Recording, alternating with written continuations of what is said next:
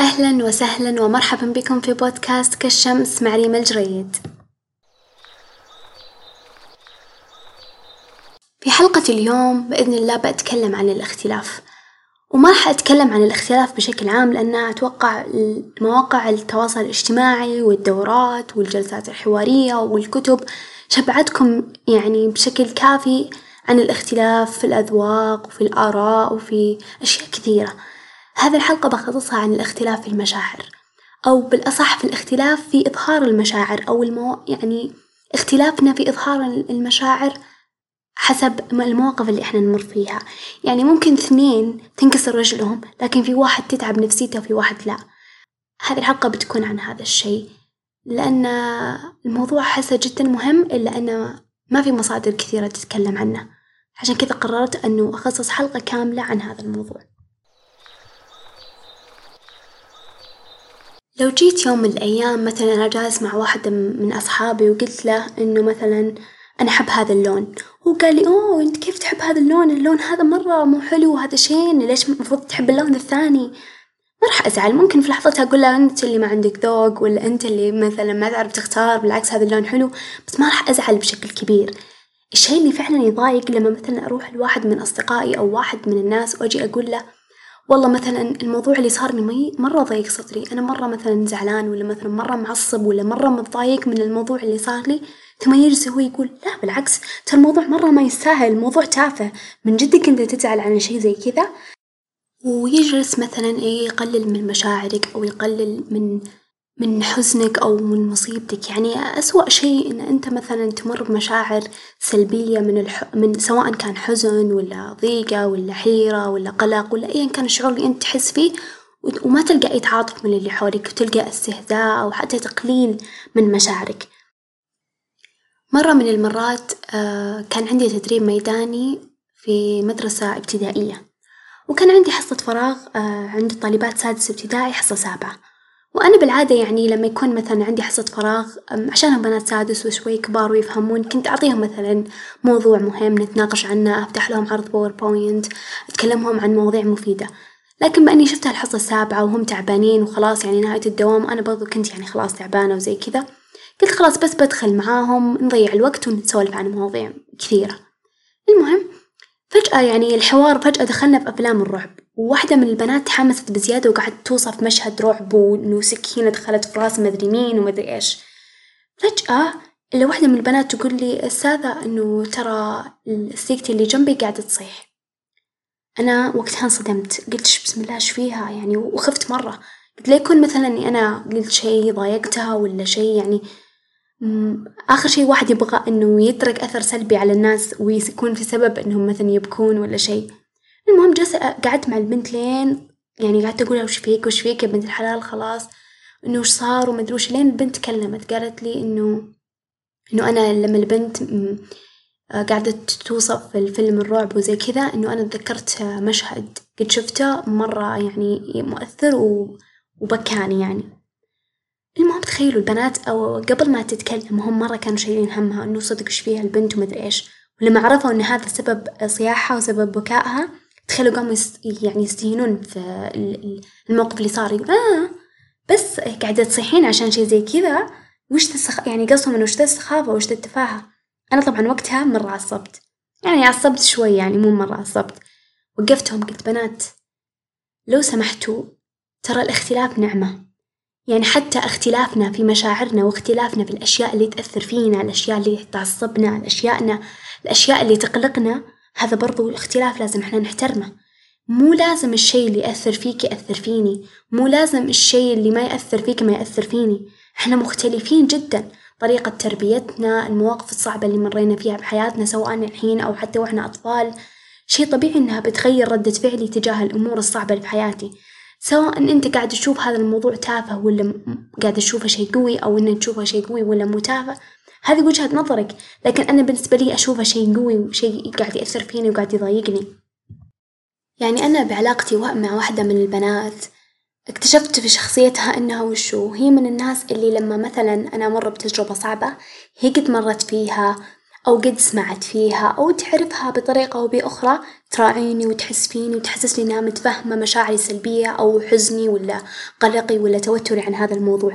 بس لما مثلا أنا أمر بتجربة هي ما قد حست فيها أو ما قد مرت عليها ولا قد خاطرت ببالها ألقى منها استهزاء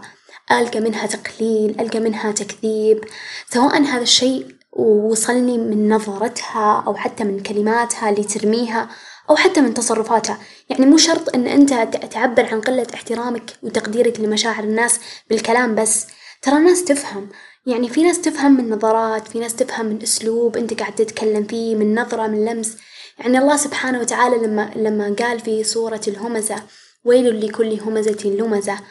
شوفوا كيف يعني الله قال ويل ويل للهامز اللامس اللي إحنا نعتبر مثلا شخص هذا ما نقدر نمسك عليه شيء هو ما تكلم. هو بس مثلا رمى كلمة ولا غمز غمزة فمعناته إحنا ما سوى شيء، لكن من كثر ما هذا الهمز واللمز هذا يأذي الناس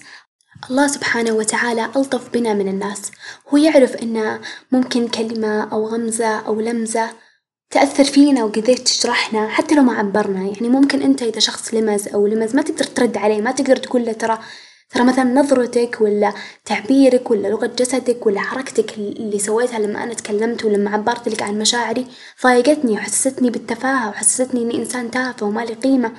ما تقدر تقول له لأن ما في شي فعلا ملموس كصاير إلا أن الله سبحانه وتعالى ما ينسى هذه الأشياء، كل شي محسوب عند الله وكل شي مكتوب. يعني أنا صراحة من خلال تجاربي في الحياة مع إنها لسه تجارب صغيرة يعني وقليلة، ومن خلال علاقاتي مع الناس سواء العلاقات اللي لسه طويلة للحين مستمرة أو العلاقات اللي ما استمرت بسبب مشكلة صارت أو سوء فهم أو سوء اختلاف، تعلمت مرة كثير، بديت يعني أنظر للأمور من ناحية أخرى وأراعي الناس أكثر، وخاصة يعني تخصصي في الخدمة الاجتماعية. خلاني أفهم الناس أكثر أستوعب ردات فعلهم. يعني حتى لو إن الشخص ما عبر عن إنه ليش مثلا هو سوى هالردة فعل إلا إني أشوف نفسي قاعدة أفهم قاعدة أشوف جواه وش هو يحس وهو قديش قاعد مثلا يتألم أو قديش مثلا هذا التصرف ذكره في موقف معين لدرجة إنه تألم كثير وسوى ردة فعل، لكن حتى قبلها حتى لو كنت ما أفهم ما كنت ما كنت أقلل من مشاعر شخص خاصة إذا كان صديق. لو جاني صديقي وقال لي والله أنا شفت رجل فضائي من المريخ نزل وهذا الفضائي مثلا حبيته والله صار عندي مشاعر تجاه هذا الفضائي، حتى لو إني أنا أكذب الفضاء أو أكذب هذه الأشياء إلا إنه عشانه صديقي وعشانه غالي علي بصدقه. بصدقه إذا كذبوه الناس بوقف معاه إذا ما حد وقف معاه بكذب كل الناس وأصدقه هو. إن هذا صديقي اللي أنا اخترته من بين كل الناس وعزيته وقدمت له الحب وال والعطف وقدمت له إني أنا أسمعه وأحس فيه وأحس بمشاعره، مهما كانت التجربة حتى لو كانت وهمية مثلا نفرض إن صديقي مجنون هذا وقاعد يسوي كل هذه القصص من مخه، مهما كانت هذه التجربة بي يعني بنظر الناس هذه جنون وكذب إلا أنها بنظر صديقي حاليا تعتبر تجربة يعني حقيقية وواقعية وهو قاعد يتألم ويحس فيها. ف فيعني آخر شي هو يبغاه إنه يلقى شخص سواء خاصة إذا كان هذا الشخص قريب منه يلقى هذا القريب قاعد يكذبه، يلقى هذا القريب مو مصدقه، ويلقى هذا القريب يعني قاعد ضده أو قاعد يستخف بمشاعره ولا يستخف بتجربته ولا قاعد يكذبه، وأنا بكلامي هذا مو قاعدة أقول لكم مثلا إنه الناس الكذابة أمشوا معاها ولا صدقوا كل الناس، لا طبعًا. لكن يبان الشخص لما يكون كذاب وقاعد يقول كلام يعني من تأليف راسه وبين الشخص اللي صدق التجربة هذه قاعدة تأثر فيه وتأثر على حياته، هذا إذا افترضنا جدًا إن هذه التجربة صدق غير واقعية، ما بالك إن أصلًا أغلب التجارب اللي يجون يشكون لنا عنها أصدقائنا وأقاربنا تكون تجارب جدًا واقعية وقاعدة تأثر فيهم وقاعدة تألمهم، لكن ممكن أنا كنظرتي الضيقة قاعدة أشوف إن هذه تجربة تافهة. وقاعدة أشوف إن هذه التجربة المفروض ما تأثر فيه المفروض ما تألمه المفروض ما تضايقه إلا أن علي احترامها لازم أحترم وجهات النظر لأن هذا جزء لا يتجزأ من حياة الناس. مستحيل أنت بتلقى شخص يشابهك مية بالمية يحس نفس إحساسك يتألم نفس ألمك يقلق نفس الأمور اللي أنت تقلق. لها مستحيل. يعني حتى أخوك اللي ساكن معاك بنفس البيت تلقى مشاعره وأفكاره وأمنياته وأحلامه مختلفة عنك، والأشياء اللي تأثر فيه مختلفة جدًا عن الأشياء اللي تأثر فيك، ممكن في تشابه صح لأنكم إخوان إلا إن في اختلاف كبير، يعني على على قد التشابه يعني إحنا كبشر شي طبيعي إنه بيكون بينا تشابه كبير، إلا إن الاختلاف بيكون أكبر لأن تجاربنا شخصياتنا نظراتنا تجاربنا اللي مرينا فيها سواء كانت هذي تجارب سعيدة ولا حزينة ولا مؤلمة ولا مفرحة كلها تأثر على نظرتنا للحياة وتفاعلنا معها وقديش إحنا نطلع مشاعر تجاه للأمور اللي إحنا نمر فيها. في فصل من فصول كتاب العادات السبع للناس الأكثر فعالية ذكر الكاتب ستيف آه تفسير مرة عجبني لعبارة عامل الناس كما تحب أن يعاملوك، دايمًا يخطر في بالنا إحنا لما نسمع هذي العبارة إن مثلًا إنت تحب إن الناس يعاملونك بتفهم عاملهم بتفهم، إنت تحب إن الناس يكونون كريمين معك كون كريم معاهم، إنت تحب الناس إنه يصيرون يسوون معك كذا سوي معهم كذا، إلا إنه فسرها الكاتب بأسلوب جدًا ملفت للنظر، بقول لكم أو بقرأ لكم التفسير حقه، قال المعنى الجوهري لهذي العبارة هو فهم فهمهم فهمًا عميقًا كأفراد بالطريقة التي تود أن تفهم بها، ثم تتعامل معهم على أساس هذا الفهم، يعني إنك إنت تفهم الشخص ثم بعدها تلقائيًا تتعامل معه على أساس هذا الفهم، وهذي العبارة جدًا فضفاضة وتشمل جميع جوانب الحياة، لكن أنا أبغى أركز عليها من جانب فهم المشاعر الآخرين أو فهم ردة فعلهم تجاه الأمور اللي يمرون فيها. فأنت بكل بساطة لما مثلًا يتصرف صديقك تصرف تحسه مثلًا مبالغ فيه، مثلًا تلقاه عصب على موضوع أنت تعتبره تافه أو إنه زعل على موضوع هو ما ما يستاهل الزعل، أنت بكل بساطة تقدر تجلس معاه وتحاول تفهم، بالعكس أنت صديقك إذا حس منك إن إنك تبغى تفهم بينبسط. بينبسط إن في ناس تبغى تفهم هو ليش حس كذا تبغى تتألم لألمه تبغى تحس فيه تبغى تشعر فيه. بينبسط كثير، وأنت هذا الفهم بيساعدك كثير. لما تسمع الاستماع جزء كبير ومهم في تكوين علاقة إيجابية مع الناس، إذا أنت والله مثلًا فهمت تصرفه مثلًا إنه مثلًا مبالغة ولا شخص هذا دراما ولا يبالغ في ردات فعله ولا هو يتميرض ولا أي شي وما عطيته فرصة للشخص إنه يعبر عن مشاعره وإنه يفهمك وليش هو تصرف بهذا التصرف، أنت قاعد تفهم العالم بنظرتك أنت بس. نظرتك أنت محدودة مهما كنت مثقف مهما كنت قارئ مهما كنت كبير في العمر وعندك خبرة كثيرة إلا أن نظرتك محدودة ليش؟ لأنها منحصرة بك أنت وبتجربتك الشخصية أنت بس، لكن لما أنت تجلس مع الشخص وتجلس مع الناس وتحاول تفهمهم ليش تصرفوا هذا التصرف، وليش تألموا هنا وما تألموا هنا وليش تضايقوا هنا ليش ما تضايقوا هنا، هذا بيوسع مداركك وبيخليك تفهم الشخص اللي اللي قدامك وتراعيه أكثر، والفهم جزء كبير، وبعض الأحيان كثير يعني الناس مثلًا ممكن تقابلهم في حياتك يتصرفون تصرف أنت ما تقدر تت يعني ما تقدر حتى تسألهم ليش تصرفوا هذا التصرف، يعني سواء مثلًا هذا الشخص أنت مثلًا علاقتك معاه مو جدًا عميقة أو ما لقيت الفرصة اللي أنت تسأله أو مثلًا أنت مستحي تسأله هذا السؤال تحس نفسك تافه أو شي، بكل بساطة تقدر بس تتفهم، يعني التفهم ترى جدًا مريح، تقول والله مثلًا أنا أعرف إن هذا الش إن تصرف هذا الشخص أنا أحسه نوعًا ما مبالغ فيه وما يستاهل، وأنا مثلًا لو انحطيت بنفس هذا الموقف ما راح تكون مشاعري بهذي الحدة وبهذي القوة، إلا إني أنا متفهمة. إنه أكيد هذا الشخص بيكون عنده أسباب معينة دفعته للتصرف بهذي الطريقة، وهذا الشي بيريحك أنت وبيريح الناس، لما تكون عندك أو يعني لما تكون عندك هذي النظرة أو النظرة الثانية اللي هي نظرة مثلًا التقليل من شأن مشاعر الآخرين ومن شأن حزنهم أو تجاربهم المؤلمة، لما تكون عندك نظرة هذي النظرة سواء كانت سلبية أو إيجابية تجاه الآخرين، صدقني هذي النظرة حتى لو ما أنت تكلمت عنها هي بتظهر. بتظهر في نظرتك لهذا الشخص، في تصرفاتك، في تعاملك، في كلماتك اللي أحيانًا ما تحسب لها حساب بتبين حقيقتك، بتبين حقيقة نظرتك للشخص. مهما تحاول تخبي إلا إنك بتكون واضح للشخص هذا، لأن شي جواك مصير مصيره بيطلع مصيره بيطلع برد يعني بردة فعل أو بموقف أنت ما حسبت له حساب، أو حتى ممكن شخص يسألك عن عن هذا ال ال الإنسان اللي أنت عندك له هذي النظرة وتلقى ردة فعلك طلعت كذا بسرعة وبينت أنت يعني كيف قاعد تنظر له، فأنت مكشوف مكشوف فعشان كذا حاول قد ما تقدر تغير نظرتك. عشان ما تضايق الناس اللي بحولك لا بنظرات ولا بكلام ولا بسلوك ولا بردة فعل ما لها داعي. وسع مداركك. إنه ترى عادي عادي الناس تكون مختلفة عني عادي تتألم بطريقة مختلفة عن تألمي عادي تتضايق بطريقة غير الطريقة اللي أنا أتضايق فيها عادي تصير دراما في بعض المواقف.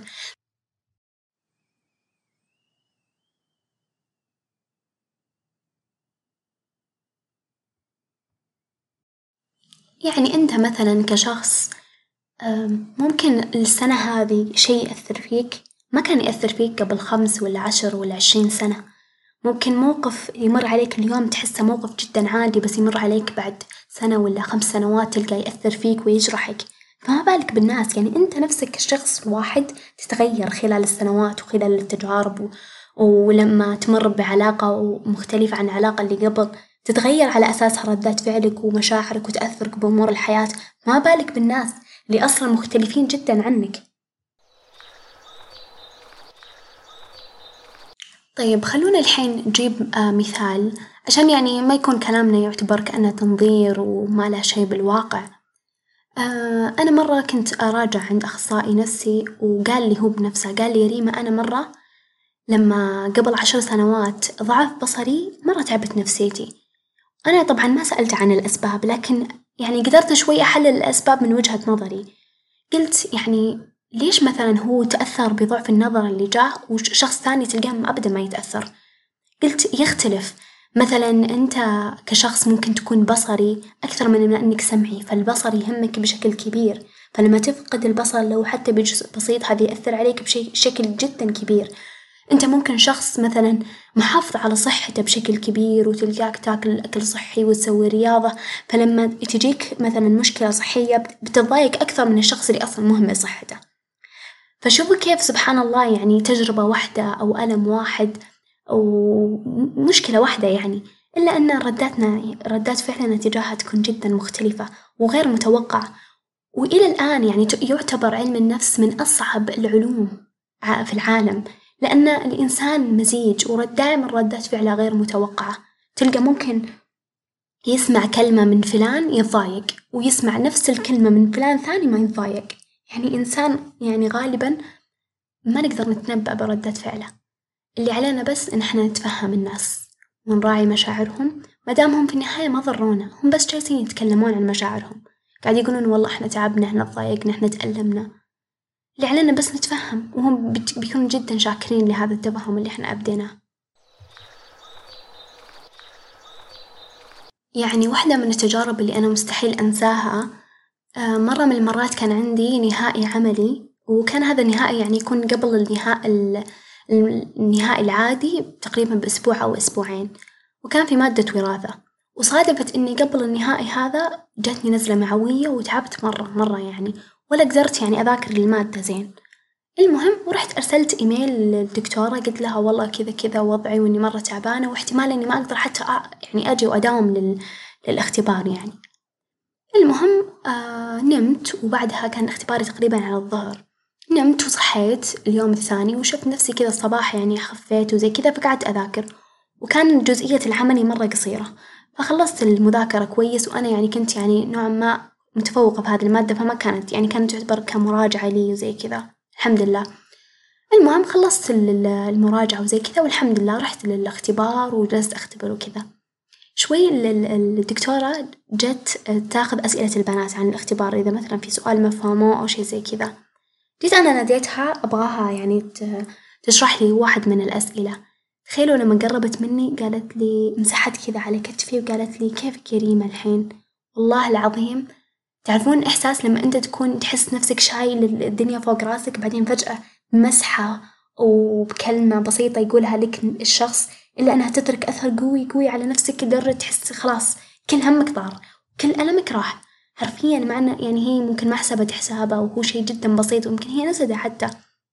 إلا أنا ما عمري نسيته ولا عمري راح أنساه، يعني قديش شي بسيط وتعاطف أنت تقدمه للناس سواء هذا الشخص كان غريب ولا كان قريب ولا كان بعيد. إلا أنه صدقني بيترك أثر بالناس، يعني الناس راح تنسى شكلك راح تنسى أنت كيف لبست وكيف تكلمت وكيف سويت وكيف فعلت، لكن مستحيل تنسى أنت كيف خليتهم يحسون وكيف خليتهم يشعرون هم حولك، إذا الناس حاسين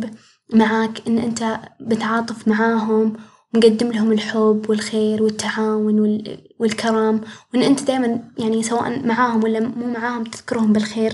ناس بتحس معاك بالإطمئنان والحب وبتتذكر هذا الشي دايمًا، فأرجوكم يعني في نهاية هذه الحلقة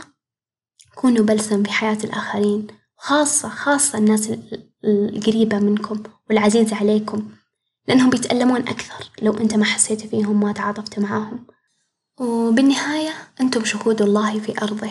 يعني إذا الناس شهدوا عليك بإنك إنسان مثلًا كريم بالمشاعر طيب عطوف، الناس صدق لما تجلس معك ترتاح ودايمًا تدعي لك، وش تبغى وش تبغى من الدنيا أكثر من كذا؟ لما تموت الناس بتدعي لك وبتذكرك بالخير وتتصدق عنك و وممكن تاخذ عمرة وحج بدالك، وش تبغى من الدنيا بعد كذا؟ يعني أنتم شهود الله في أرضه الله الرسول عليه الصلاة والسلام قال هذا الشي، فإذا الناس شهدوا عليك بالخير فأنت بإذن الله بتلقى الخير من الله سبحانه وتعالى يوم القيامة. وشكرًا على حسن استماعكم، نلقاكم بإذن الله في الحلقة القادمة.